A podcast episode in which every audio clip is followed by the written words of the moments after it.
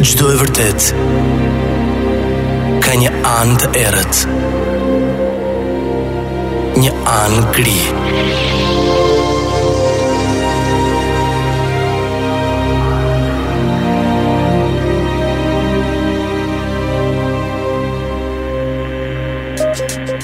Histogri. Në Top Albania Radio.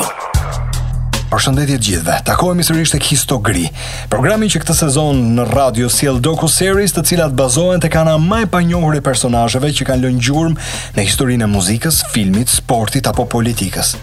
Apo qoftë edhe ngjarje dhe histori që kanë anën e tyre të errët, të panjohur.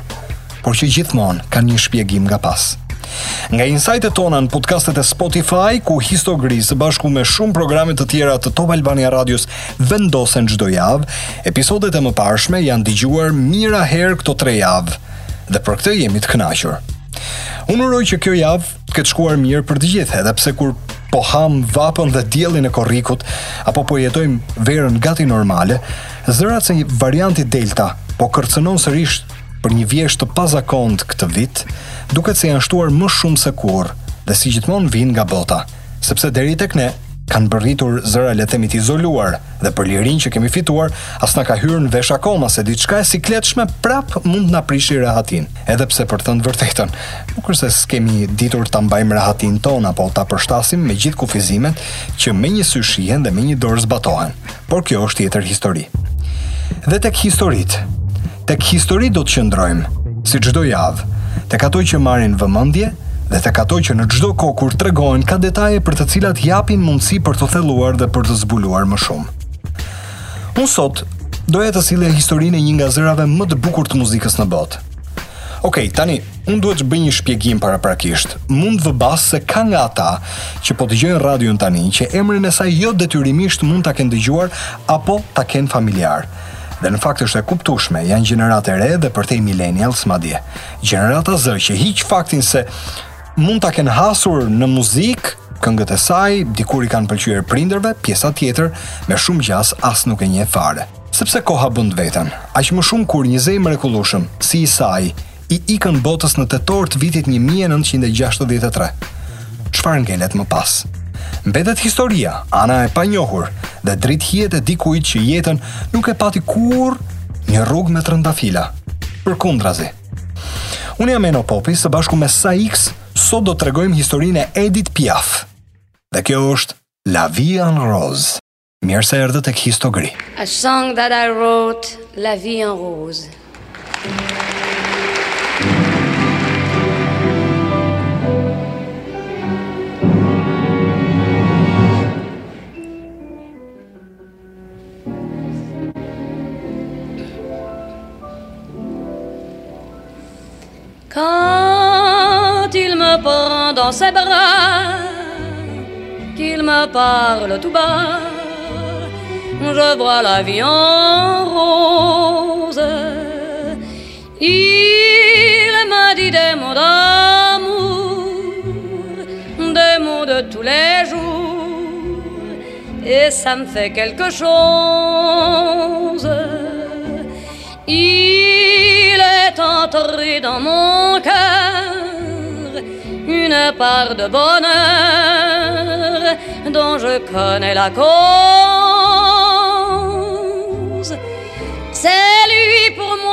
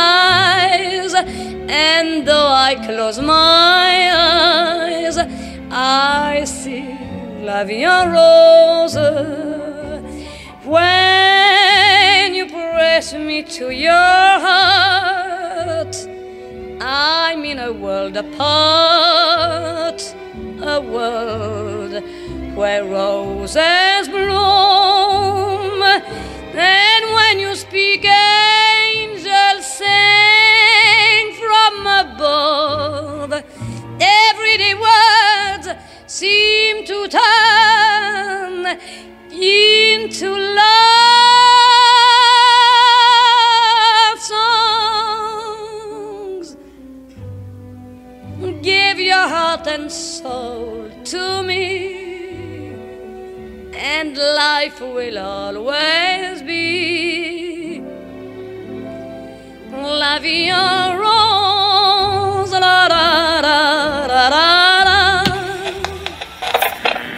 Histogri në Top Albania Radio. Pra historia që do të dëgjoni sot është dramatike, por njëkohësisht dhe e bukur, sepse është historia e yllit të muzikës, në përpjekje të gjithëjetshme për të shndritur fort, pavarësisht jetës së pafat fatkeqësive dhe peripecive për të mbijetuar. E përtej të gjithave, emri i saj qëndroi lart sepse në fund të fundit mbetet ylli i muzikës franceze. Ajo është Edith Piaf.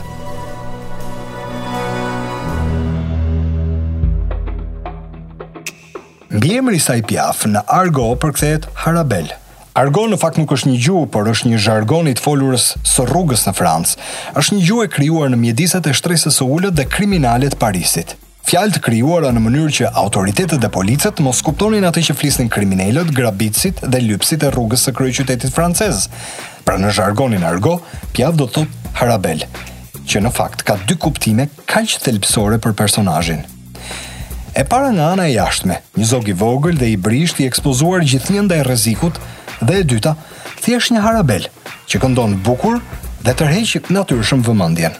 Pra Edit Giovanna Gassion është një grua trupvogël, fiks si një harabel, por edhe një nga zërat më të mrekullueshëm që historia e botës ka njohur.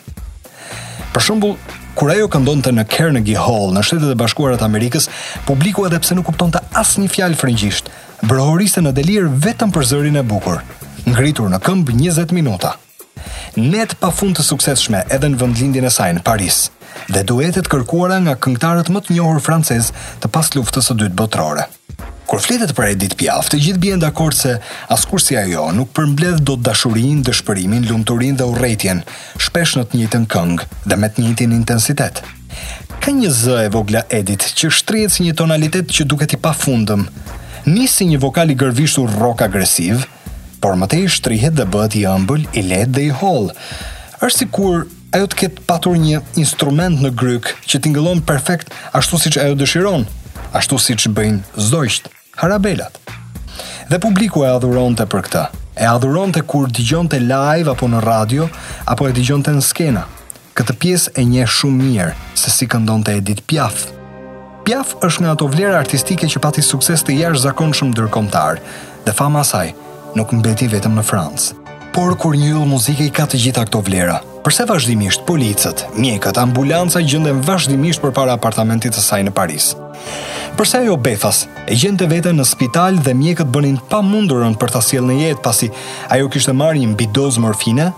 Apo herët e tjera ishte buzë varrit. Dhe këtu nis ana e errët.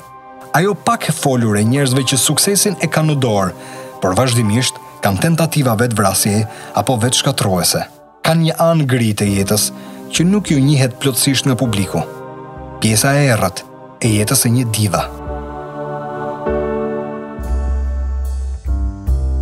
Ka plot muzikantë dhe artistë që kanë patur një jetë të trazuar dhe me probleme personale që nga fëmijëria, si për shembull yjet e muzikës së zezë, Billie Holiday apo James Brown.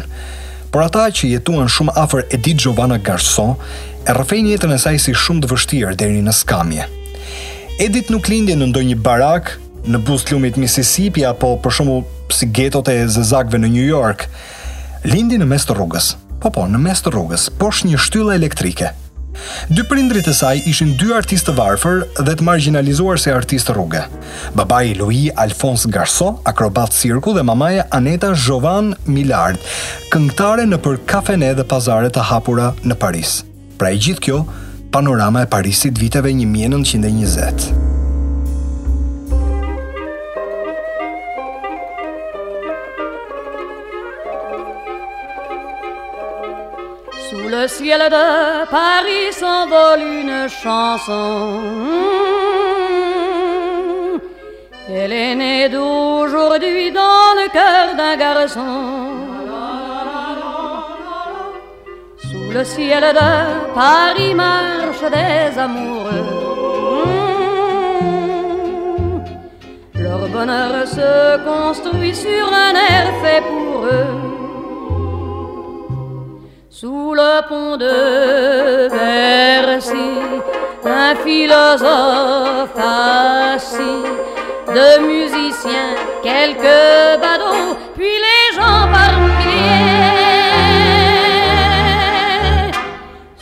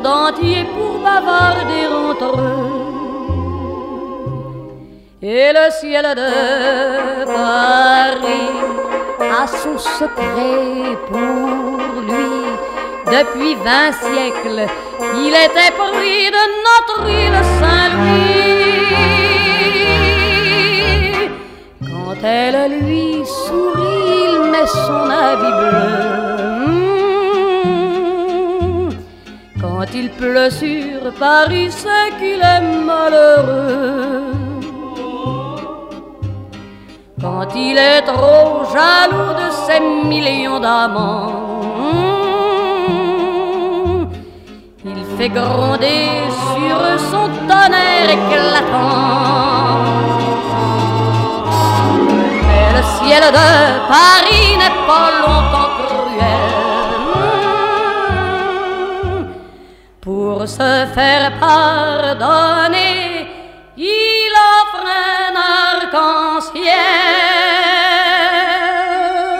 Familja e Edith Piaf jetonte në Belleville, një nga lagjet më të popullarizuara të Parisit. Një nga zonat shumëngjyrëshe në Francë, por për çiftin Garso, zona më e varfër duke qenë se ishin edhe pa shtëpi. Edith lind saktësisht në Rue de Belleville, Tamam tamam është një trotuar ku ulet e ëma ngaqë e kapën dhimbjet e lindjes dhe për të sjellë në jetë foshnjën e ndihmoi një polic rastësor që po kalonte rrugën. Që në ditët e para të jetës, prindërit vendosën të mos e mbajnë, mos ta mbajnë afër vetes. Babai i saj gjithnjë në lëvizje niset ushtar në luftën e parë botërore, ndërsa mamaja e lë të voglën tek e ëma, pra tek gjyshja. Një zonjë me origjinë marokene që quhej Aisha, Por në Francë e thërrisnin të gjithë Ema.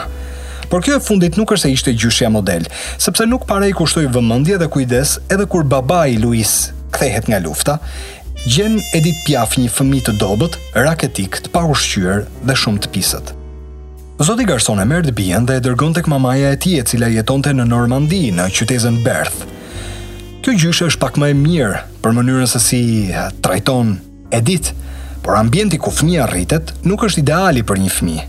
Hë, sepse cili ishte zanati i gjyshes? Pronarja e një bordelloje.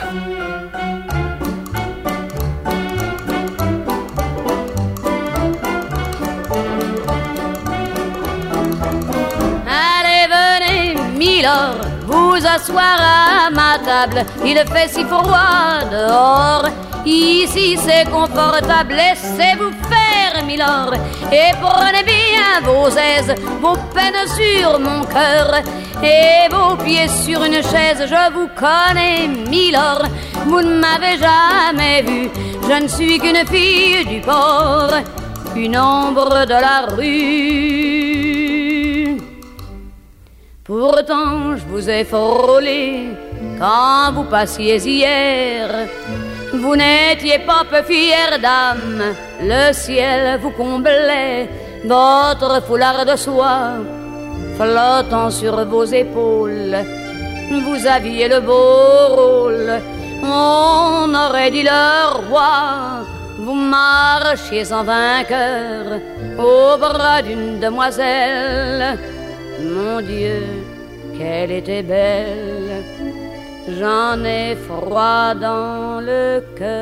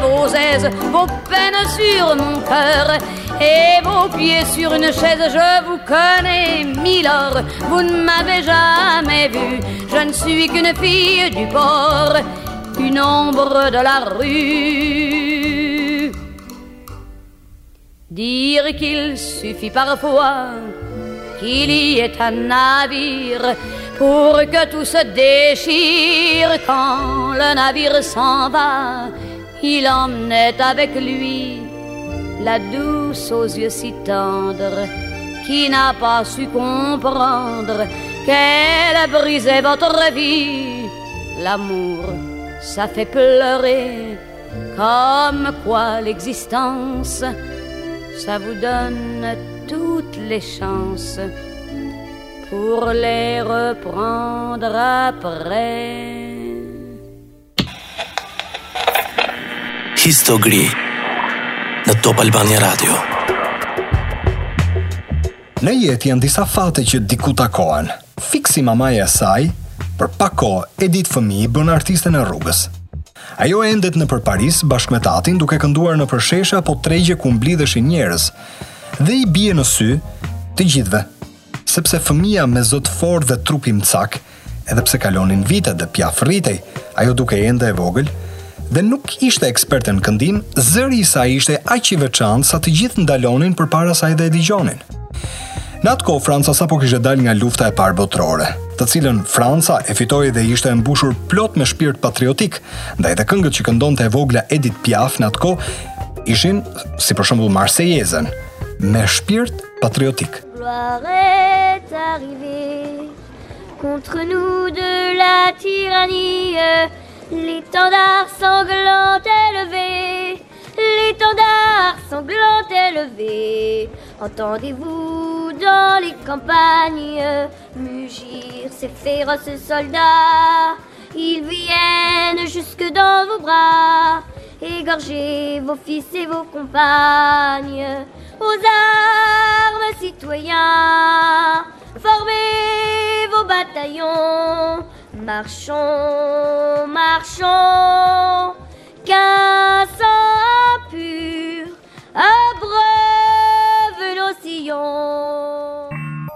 Zëri që dëgjuat është një inskenim gati perfekt që i është bërë personazhit Edith Piaf në filmin e vitit 2007 La Vie en Rose, ku Marion Cotillard, nëse ka një prej roleve të jetës që e ka arrirë jashtëzakonisht mirë, është interpretimi i Edith Piaf në filmin në fjalë. Por kthehemi pak tek Edith. Edith Piaf nuk ishte si mamaja e saj, po fare fare. Sepse Aneta, mamaja, nuk kishte vokalin, fuqinë dhe vendosmërinë e të bijës. Shtatshkurtër, por me një forcë të jashtëzakonshme të brendshme që askujt nuk mund t'i shpëtonte pa e pikasur. Kështu një ditë teksa Edit po këndonte në zonën e Champs-Élysées, i kalon fare pranë një zotëri elegant që nis ta dëgjojë më nga afër me vëmendje. Ai i zgjat Piafit një kartëmonedhë dhjetë franga dhe një letër me emrin dhe adresën e tij. Vendi i shkruar ishte Club Jeremy, një kabare e cila ndodhej shumë pranë qendrës së Parisit. Zotëria Louis Leplée ishte pronar i një klubi dhe kërkon që Edith Piaf të bëjë një audicion për të. Dhe në fakt ashtu ndodh. Edith shkon dhe nga ai moment jeta e saj ndryshoi. Pasi e dëgjon, Louis Leplée bindet se ai zë nuk mund t'i shpëtonte dot dhe vendos ta punësojë. Ama mbiemri i saj Gassion do duhet hiqej. Dhe kushti që i vendos ishte se mbiemri Gassion tingëllon shumë anonim, prandaj në atë moment ai vendos ta pagëzojë Edit Piaf.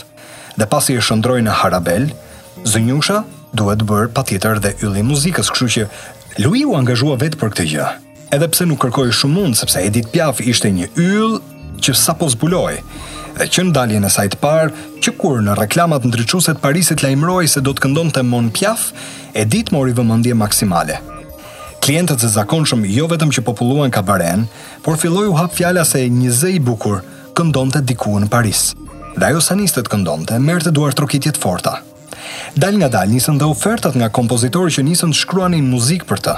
Ajo po ashtu mori dhe admirimin e këngëtarëve të njohur të asaj kohe në Francë si Maurice Chevalier apo Mistinguett. Dhe kur u publikua disku i saj i parë, u shndërrua në një sukses të menjëhershëm, pra një yll në ngjitje i muzikës.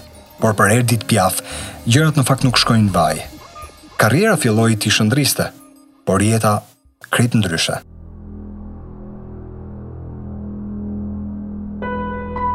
Në prill të vitit 1936, menaxheri i saj, Louis Leplée, gjendet i pajetë në dyshemenë e apartamentit, i qëlluar me një plumb në kokë.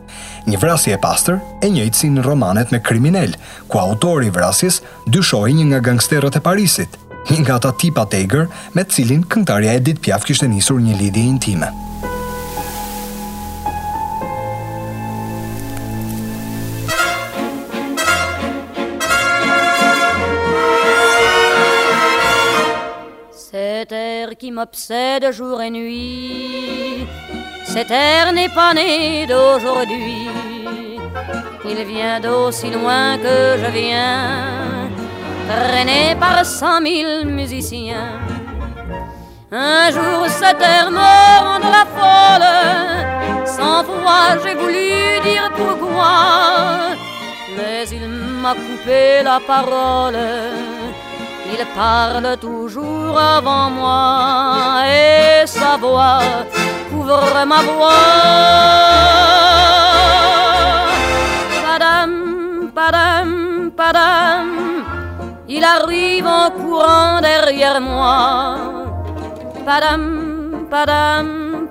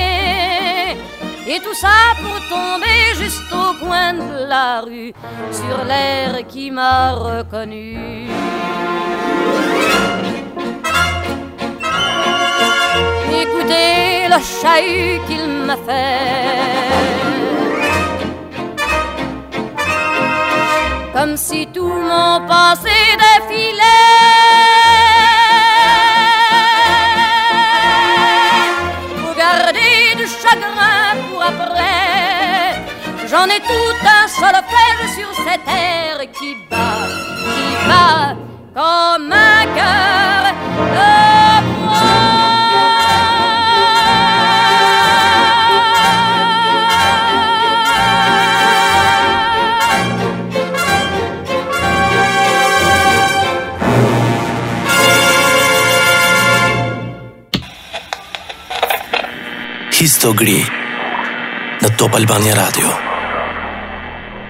Për të thënë të vërtetën, Edit nuk ka patur fat me meshkujt asnjëherë, edhe pse ajo i ka dashur.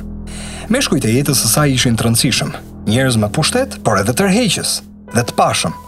Ndërsa ajo jo në fakt.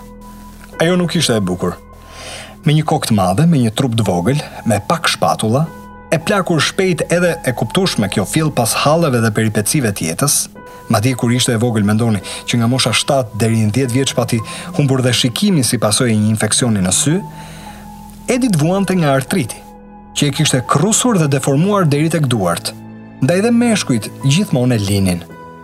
Sidoqoftë, kishte një bukuri të rrallë Edit. Sidomos kur këndonte, dhe që edhe pse mund të mos ngjante si një grua jo e pashme, ajo merrte një tjetër nur kur interpretonte. Ama ajo kishte një karakter të vendosur, që të mos thyhej dhe të mos dorëzohej pavarësisht dështimeve edhe me meshkujt, me të cilët raportet i zgjasnin fare pak. Mendoni pak, dashurinë e parë e takon në moshën 17 vjeç. I rastis një djalë murator që nuk donte fare që Edith Piaf të këndonte. Por, i kërkoi të ishte punëtore si të gjitha vajzat e tjera në fabrikë.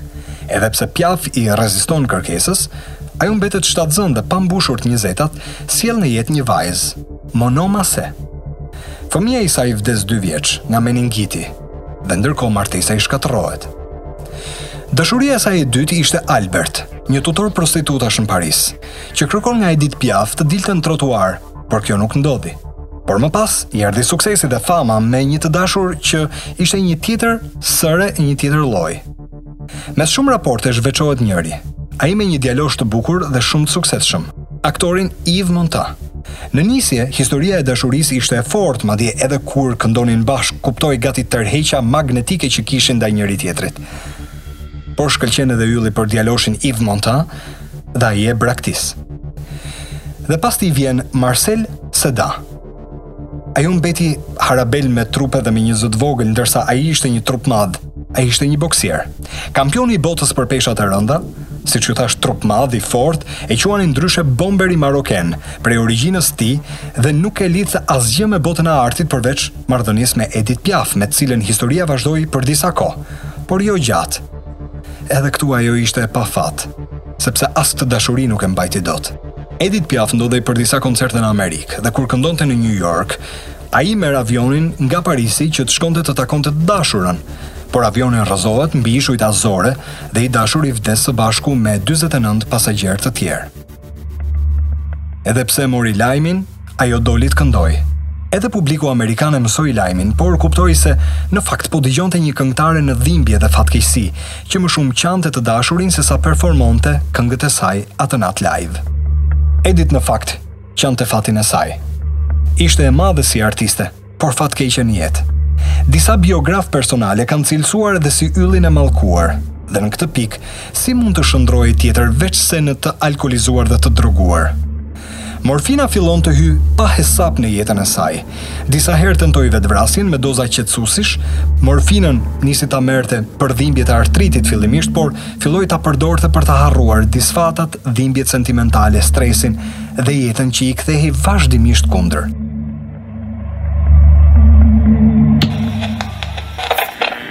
Histogri në Top Albania Radio. Ana e errët e Edith Piaf. Ajo që njerëzit nuk ia njohin, fundja nuk kishin pse. Ata e shihnin në skenë, e duartrokisnin dhe kaq. Pak njerëz mbante Edith Piaf rreth vetes.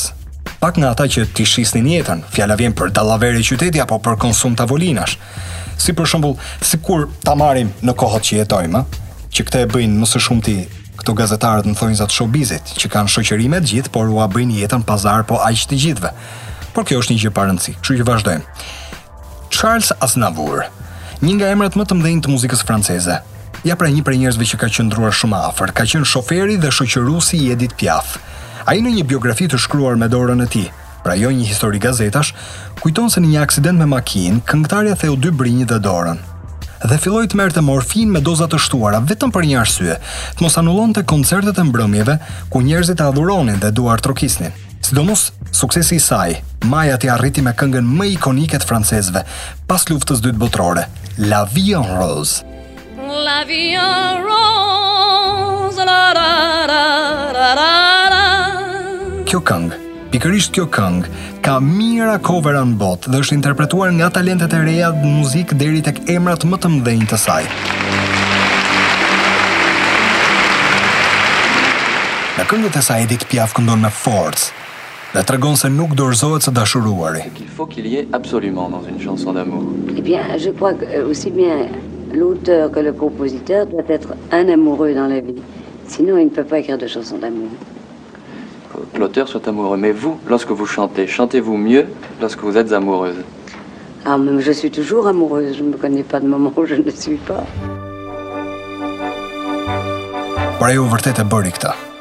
Megjithëse dashuria kurrë nuk iu kthye mbrapsht, dhe ndoshta për këtë ajo u mplak shpejt dhe u bë një grusht. E megjithatë në një shpërthim vokal të tillë, ajo mbeti një yll i pashuar i muzikës. Një astrofizikante ruse, fansja e saj zbuloi diku në vitet 80 një planet të ri dhe i vuri emrin e yllit muzikës. Planeti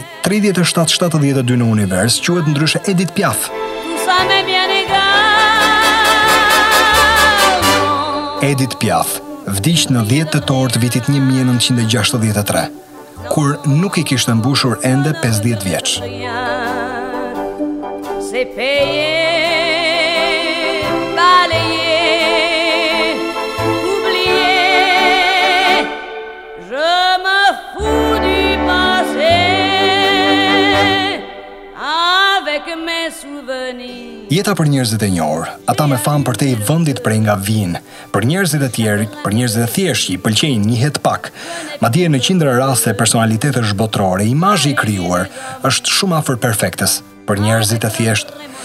Gati intriga më interesante që ata thurin për të mos prekur anën gri,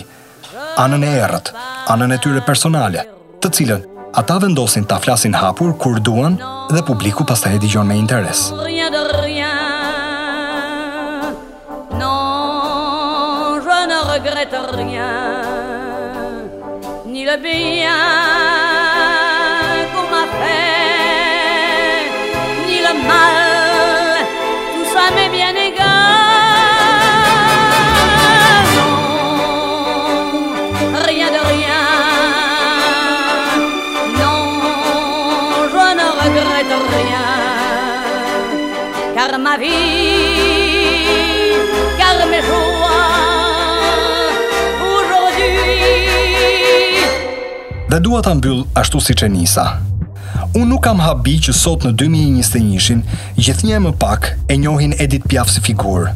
Ok, krejt normale në një cikël jete që vazhdon, por ama unë këtë nuk ia kuptoj dot francezëve.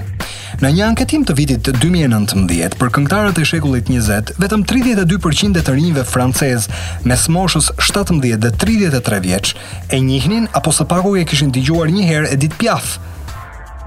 Apo Të ngjashëm të Edith Piaf, le të themi. Megjithatë këto janë hallet e francezëve. Sepse ironikisht dikush që po më dëgjon tani mund të mendojë të njëjtën gjë që më kaloi mua në kokë teksa po citoja këtë studim të francezëve. Po tek ne. Kur tek ne memoria kolektive për ngjarje dhe njerëz më recent duket sikur nuk funksionon, ç'na duhet që merremi me Francën dhe me amnezinë e tyre? Dhe e drejtë, ndoshta jemi edhe ne më gri në këtë drejtim. Ok, kaq për sot. Javën e ardhshme jeta e Marlon Brando. Dhe nëse edhe këtë nuk e njihni, pyesni mamin dhe babin se e sigurt që e kanë pas qejf pa fund në rininë e tyre. Fundjavë të bukur gjithëve. Dëgjohemi të shtunën tjetër. Natën e mirë. Histogri në Top Albania Radio.